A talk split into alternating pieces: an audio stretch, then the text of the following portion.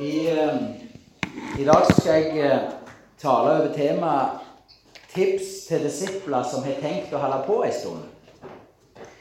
Jeg syns det er utrolig eh, inspirerende å møte eldre mennesker som jeg bare merker har en brann for Jesus.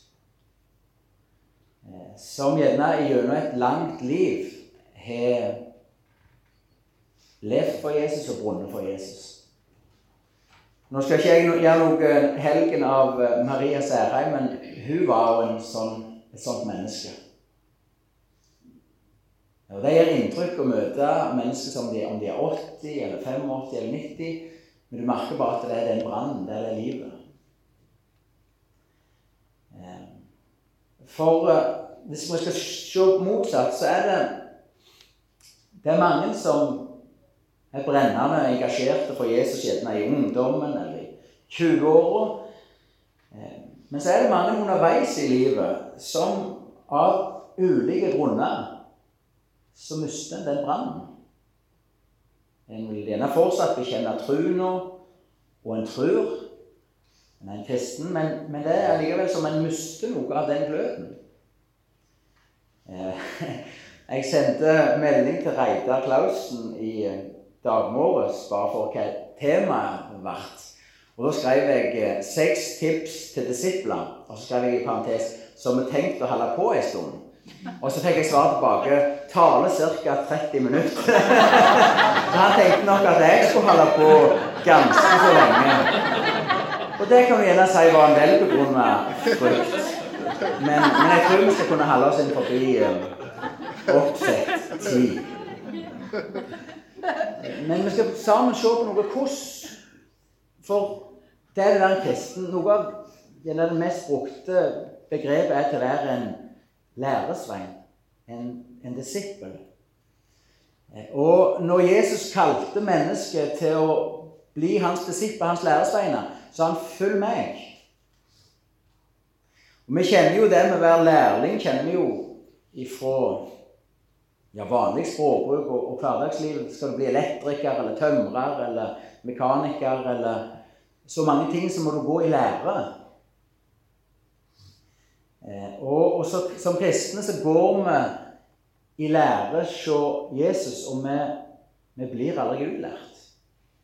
Det er ikke for to år, men det, det er livet ut hos Jesus. Og, og, målet hans, og et mål for oss, må jo være at eh, at vi ikke skal bli mindre brennende med året, men at vi heller skal bli mer brennende, mer glad i Jesus. Så, så nå skal jeg gi seks tips som jeg tror er gode til å rette livet sitt etter. Første tips Hvis vi skal ikke bare være brennende for Jesus i dag, men være det om, om Gud gir oss nåde til å leve 10, 20, 50 eller 70 år til så trenger vi å ete regelmessig og sunn mat. Noe av det som tar knekken på mange som er ute på et langt løp, om det er maraton eller bestige de sju topper eller sykkelløp, det er at de tar til seg for lite næring underveis. Og da går jo piften ut av dem. Og til slutt så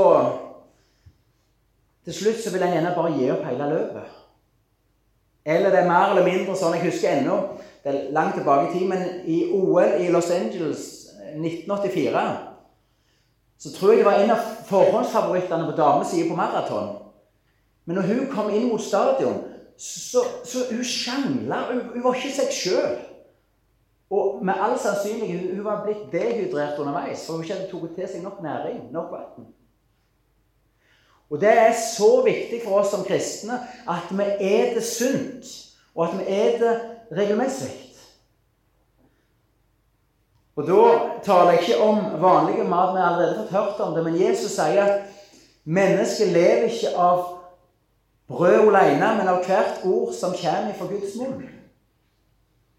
Skal vi bygge et sunt disippelliv, så trenger vi å ete regelmessig ifra Bibelen. Du og meg vi trenger, hvis vi ikke allerede har det, å få en regelmessig vane i forhold til Bibelen. At vi tar til oss den næring, det liv som er der. Så det er min første utfordring. Hvis ikke du har en sånn en vane, så lag deg en sånn vane. For å være en læresvein, være en disippel, det handler også om disiplin. Og Det er vi jo veldig forsiktige å si noe om i kristenlivet, for alt skal være av en eller annen sånn nåde som at det ikke koster oss noe. Men i så mange andre ting i livet som er viktige eller mindre viktige, så er vi villige til å gjøre prioriteringer, offer, lage en treningsplan eller et løp fram for å nå et eller annet mål. Dette handler om et løp mot det evige liv, et liv med og for Jesus. Vi trenger mat. Lag deg en vane der du får ete regelmessig ifra Bibelen. Så det er første punkt. Skal vi være brennende et helt liv, skal du være brennende om 30 år, så trenger du å ete sunt og ete regelmessig. Det neste punktet, tips nummer to for læresveiner som vil være brennende livet ut, det er vær i arbeid. Vær i arbeid. Jesus sier høsten er stor, men arbeiderne få. Høsten er stor, arbeiderne få. Gud har et stort arbeid som han vil ha gjort i dag. Høsten er stor. Det er utrolig mange mennesker som Gud kaller på, og som venter på at en villig arbeider skal komme på så ulikt vis og løse og høste inn. Og Gud har en oppgave for deg, for sitt arbeid. Der vi er sammen et arbeidslag, vi utfyller hverandre. Så hvis du vil være en brennende kristen om 10 år, om 50 år, så ta del i arbeidet. Ta del i det arbeidet som Gud vil ha gjort. Og det er jo egentlig sånn Eller ikke egentlig, men det er jo helt grunnleggende for disippelliv, for livet som en læresvein. Det er den rytmen imellom at vi tar imot. Det starta jo med at vi fikk ta imot Jesus. Hans tilgivelse, hans liv. Men så fortsetter jo disippellivet i den rytmen at vi tar imot, og så vil vi gi videre. Det, det er ei ubrytelig lov i disippellivet. Vi fortsetter å ta imot nåde, vi fortsetter å ta imot tilgivelse. Vi fortsetter å ta imot ord ifra ham. Vi fortsetter å erfare fellesskap med ham. Og så ønsker vi å gi det videre. Et annet sånt begrepspar som vi kan bruke på dette, er at du har fått en uendelig stor gave. Du har fått Jesus og ei full frelse i Han. Det gjelder alle kristne. Full pakke, en stor gave. Men så har også alle kristne fått en stor oppgave til å ta del i det arbeid som Gud vil ha gjort. Vi som har fått Jesus, vi ønsker å gi oss sjøl tilbake igjen til ham, i tjeneste for ham. Så tips nummer to Vil du være en brennende kristen og kunne være det livet ut? Være det om 50 år, om 10 år? Så ta del i det arbeidet Gud vil ha gjort. Lev i den disippelrytmen som er at vi stadig tar imot, men også stadig gir videre. Tredje punkt. Vil du være en disippel som eh, brenner for Jesus livet ut? Vil du være en disippel som ikke bare har som mål å så vidt klare å fullføre, men fullføre det løpet som Jesus er for deg? Så snakk med Jesus underveis. Vi er på vei underveis mot det evige liv. Vi er kalt av Jesus, vi går i hans fotspor, vi går i hans fulle. Vi må jo si det er veldig unaturlig om vi ikke skulle ha en pågående samtale med Jesus. Han som er underveis sammen med. Det er òg en grunnleggende del av disippelrytmen. Da taler jeg om bønnelivet ditt og mitt. Jeg tror ikke det er mulig å treffe en 80 eller 90 eller 75-åring som har kjent Jesus hele livet, og som fortsatt har dette pulslaget, fortsatt har denne brannen, denne gløden, denne stadige fornyelsen, uten at det er et levende bønneliv. For det å være en kristen, det, det er jo Jesus det handler om. Liv og fellesskap med ham. Og det er et stort privilegium for oss kristne at vi får lov til å ha denne pågående disippelsamtalen med Jesus.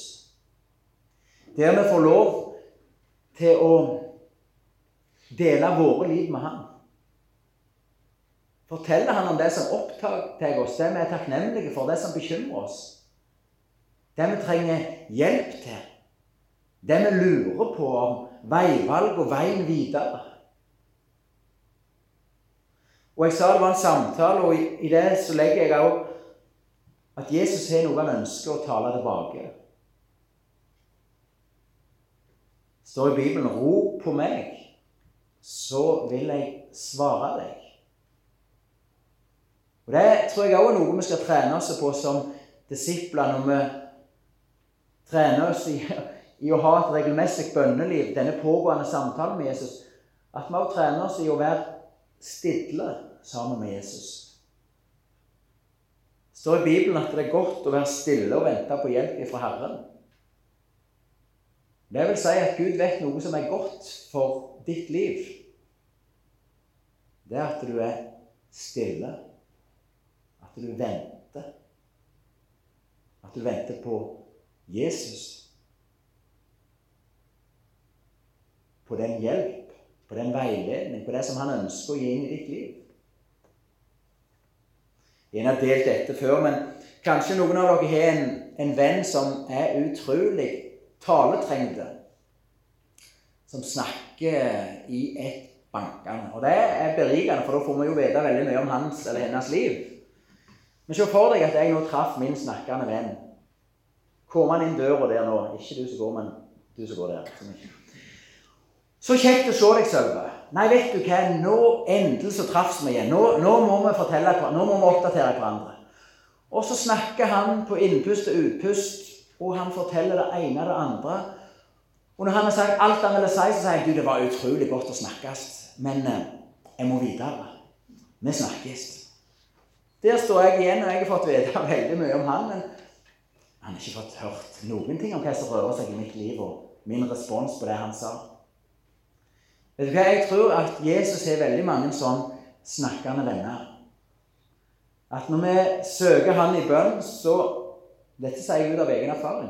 Så blir det lett at jeg kommer fram med enten det jeg skal be om, eller det som brenner på mitt hjerte. Og så fort jeg har sagt det jeg hadde på hjertet, så om ikke jeg ser på klokka, det kan godt være jeg gjør det òg, men så småspringer jeg videre i dagen. Amen, Jesus, det var godt å snakke med deg. Og så står Jesus, står Jesus igjen, og så fikk ikke han anledning til å svare meg. For det er godt å være stille og vente på hjelp fra Herren. Ro på meg, så vil jeg svare deg. Jeg tror vi gjør utrolig lurt i som disipler læresveiner å ta oss tid i stillhet for Herrens ansikt. For det kan komme en minnelse, det kan komme en sangstrofe, det kan komme et bibelvers. Gud kan slå an en tone, han kan gi deg noe der i stillheten som du ellers vil gå glipp av. For han vil svare. Så når vi kommer med våre spørsmål til, til Jesus, så la oss også ta oss tid til å, til å vente. Vente i stillhet. For det er godt for oss. Det er godt for en disippel å være stille for Herren.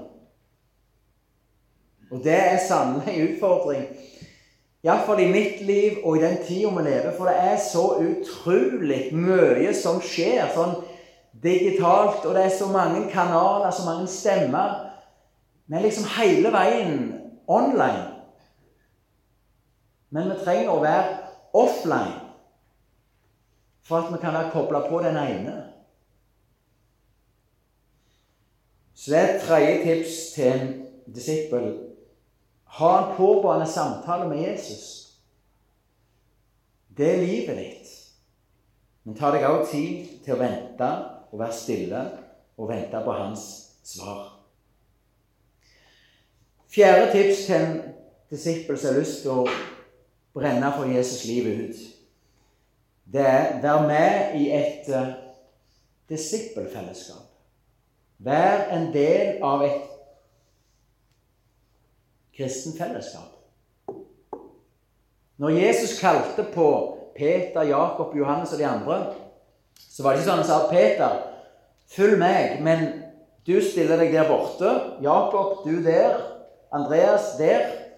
Og så småsprang Jesus litt innimellom med dem, og så hadde han litt Peter-tid og litt Ja, han hadde alenetid. Av og til så valgte han å ha med seg de tre.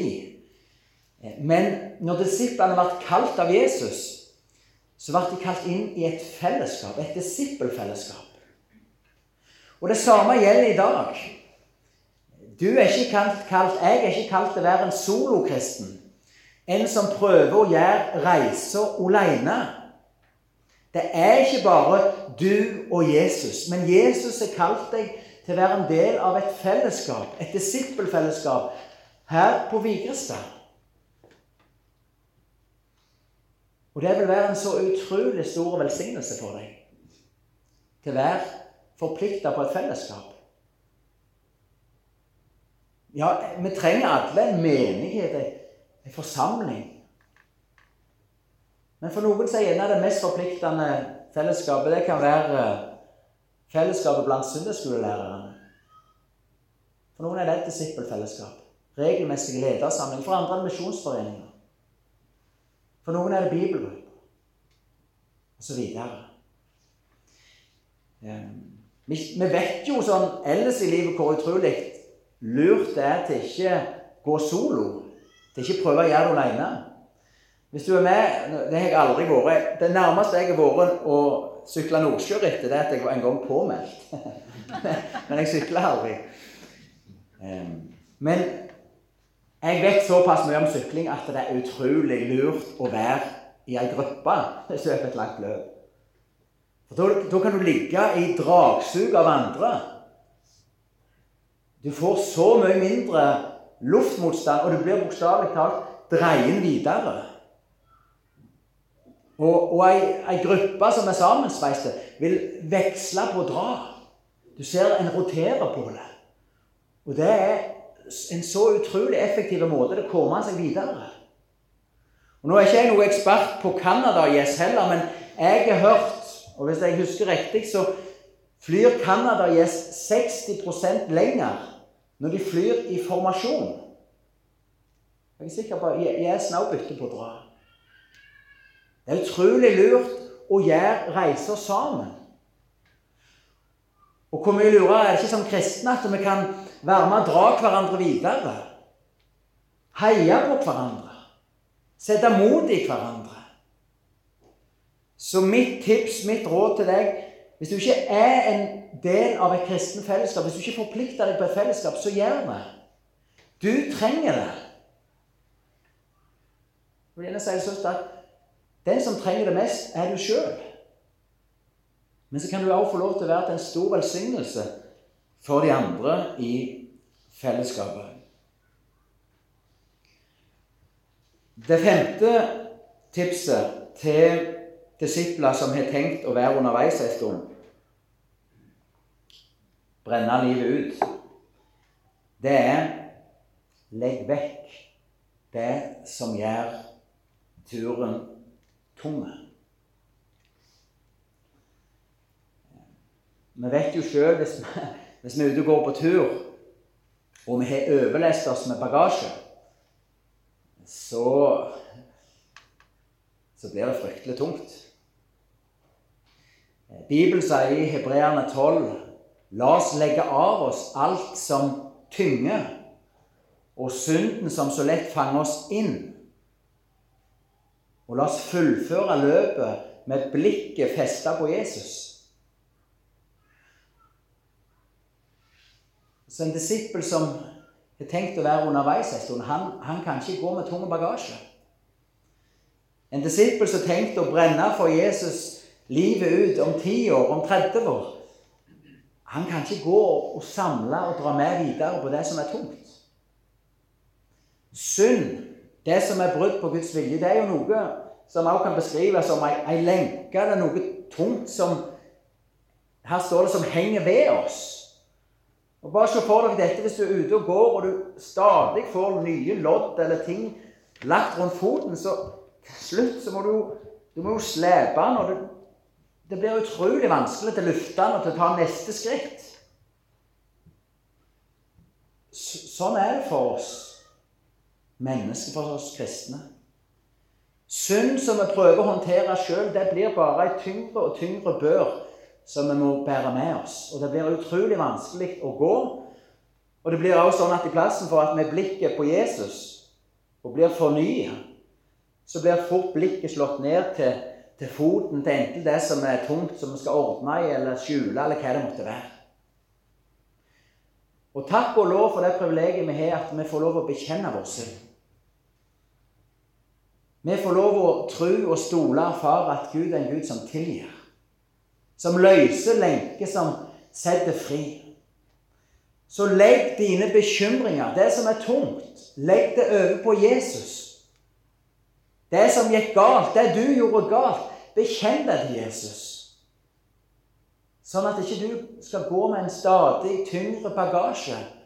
For da er det vanskelig å fullføre løpet. Da er det tungt. Ja, da er det umulig å brenne for Jesus. Og her tror jeg mange av oss blir lurte. Jeg tror dette er et punkt som eh, får mange disipler til å falle, til å inngå kompromiss og til å bære på veldig mye unødvendig bagasje gjennom livet. Enten av bekymringer eller av synd. Det kan være, og det kan være så ymse.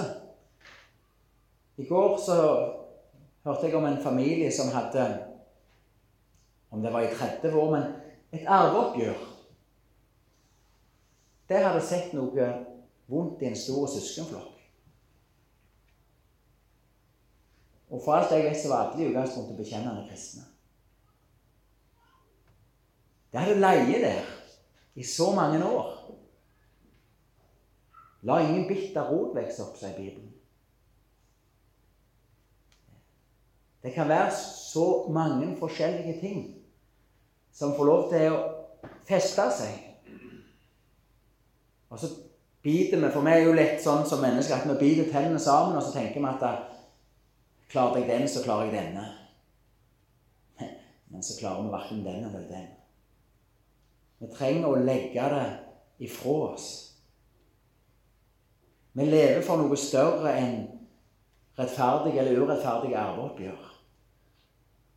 Vi må legge bak oss det som var tungt og gikk galt.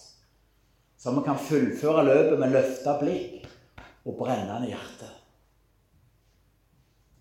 Så la ikke synd i all verdens mulige form få lov til å gjøre turen tom. Men bekjenn til Jesus. Om nødvendig òg til mennesket. Det var femte punkt. Sjette og siste punkt til disipler som er tenkt å være underveis en stund det er til å ta imot råd og hjelp. Det er utrolig viktig. Ingen av oss er utlært. Og det var En som sa hvis du tror du er utlært som kristen, så er du ikke utlært, men du er ferdig. Vi har alle mer å lære i livet sammen med Jesus. Ingen av oss har kommet til det punktet eller den modenhet at nå er vi sjølgående, så nå trenger vi ikke mesterens råd og veiledning. Nei, vi trenger det alle. Men det er ikke bare Jesus som skal ta imot råd ifra og veiledning. For vi er også gitt til hverandre. Og som en læresvein, som en kristen, så er det viktig at vi er lydhøre også ifra råd og veiledning ifra andre kristne. At ikke stolthet og det vi tror at vi vet egentlig bedre sjøl, gjør at vi bare stenger av før den andre har fått talt et ord eller et råd inn i vårt liv. For det er iallfall ikke fra han jeg skal få noe, eller hun. Er du gift, så er min erfaring at Gud også er flittig med å bruke ektefellen. Så vi trenger å være læresveiner som er åpne for råd og veiledning. Ifra Mesteren, det er helt grunnleggende, ifra Jesus sjøl, ifra Hans ord, der vi finner denne veiledning i klar form. At Bibelen ikke bare blir ei sånn kjekt å vite-bok, fakta, sannheter om Gud, og, men at Bibelen får lov til å bli ei bok som former livet ditt og mitt. At vi gjennom troen blir ett med det budskapet som står her. At vi lar oss både beskjære, inspirere, veilede og forme av denne boka.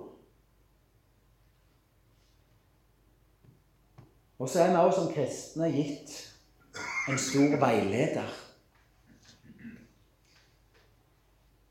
Peter sa jo på pinsedag 'venn om', få tilgivelse og få Den hellige ånds gave. Den store gave Det er jo egentlig to gaver Gud gir oss når han gir oss del i frelsen i Jesus. Vi får tilgivelse for all vår synd. Så får vi Den hellige ånd i fødselsgave. Gud har tatt bolig i enhver kristen. Den store veilederen, sannhetens ånd. Og han ønsker å være din og min veileder for den reisa som er underveis på. Jeg hadde På Misjonshøgskolen i Stavanger, når jeg studerte teologi der, så hadde jeg en eh, professor i Nytestamentet som het Ove Konrad Hansen. Og han hadde denne gnisten som jeg snakker om. Han var sprengte på lærdom, bibelkunnskap, mens han at han også dette livet. Og han hadde et sånn engelsk uttrykk som har festa seg hos meg. Og det var 'keep in step with the spirit'. Det var noe han lyste opp når han kunne få formidle dette og, og vitne litt om, om, det livet i Den hellige ånd. Keep in step with the spirit. Og det gjelder også for ditt og mitt disippelliv. At Gud har gitt deg en veileder. Den hellige ånd som vil veilede deg både inn og gjennom Bibelen, som vil være bønnen sånn og veilede deg i ditt bønneliv, men som er hos deg alltid for å være din veileder. I ulike valg, situasjoner. Som kan være den ånd som når du får en anledning til å vitne i en trengt situasjon som kan fylle deg, så du får frimodighet. Du er gitt en veileder. Så la oss som kristne ikke bli så sjølærte at vi stenger oss for den veiledning som Gud fortsatt har å gi til oss. Og Bare for å trekke linja tilbake igjen med denne rytmen som disipler, at vi, vi tar imot og vi gir videre. Det er jo en sånn pusterytme. Vi tar imot ifra Gud. Vi tar stadig imot tilgivelse. Livet med ham. Livet i Jesus. Og så vil vi gi dette videre.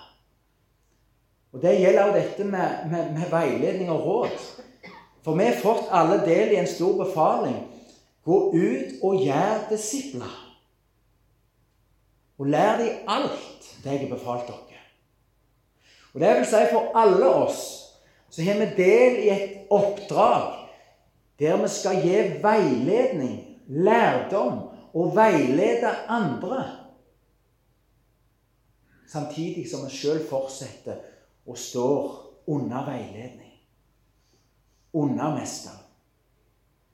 Og Det er også sunt og viktig for oss at vi er med og gir råd og veiledning til andre. For det er den, det er den rytmen vi har. Vi skal ta imot sjøl. Vi skal åpne hendene og ta imot. Men så skal vi også gi det videre. Forme nye disipler samtidig som Gud former oss.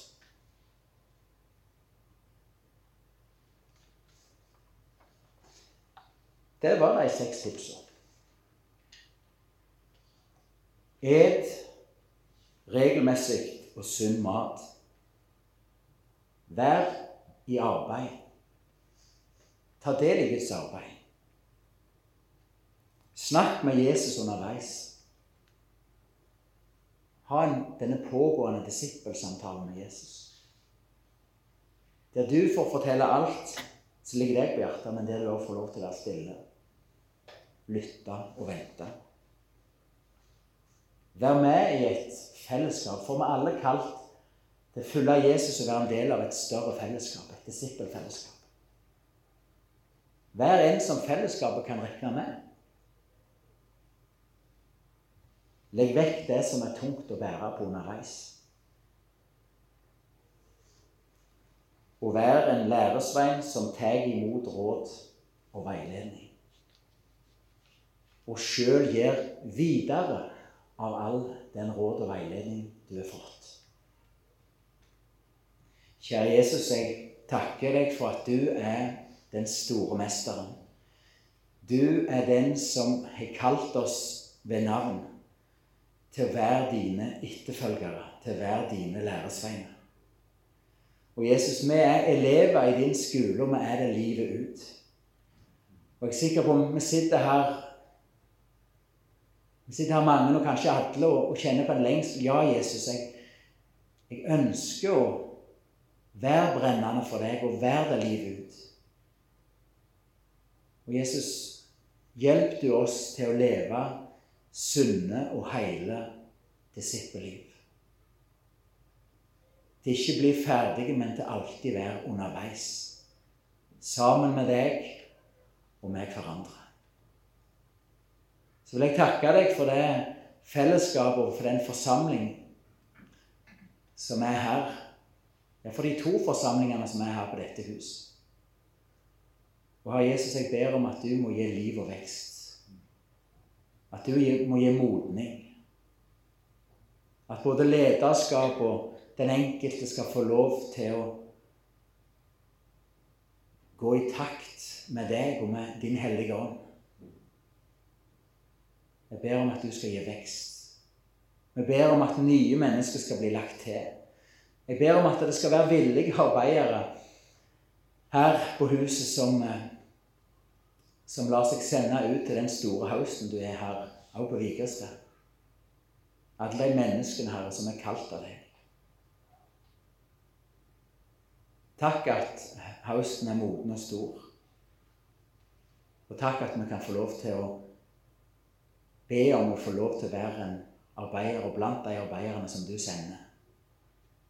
Så Jesus, nå ønsker jeg å si for min egen del, men jeg ønsker det også kan være en bekjennelse med alle vil si Jesus, her er jeg.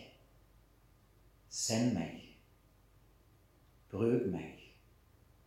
Led meg. Lær meg. I Jesu navn. Amen.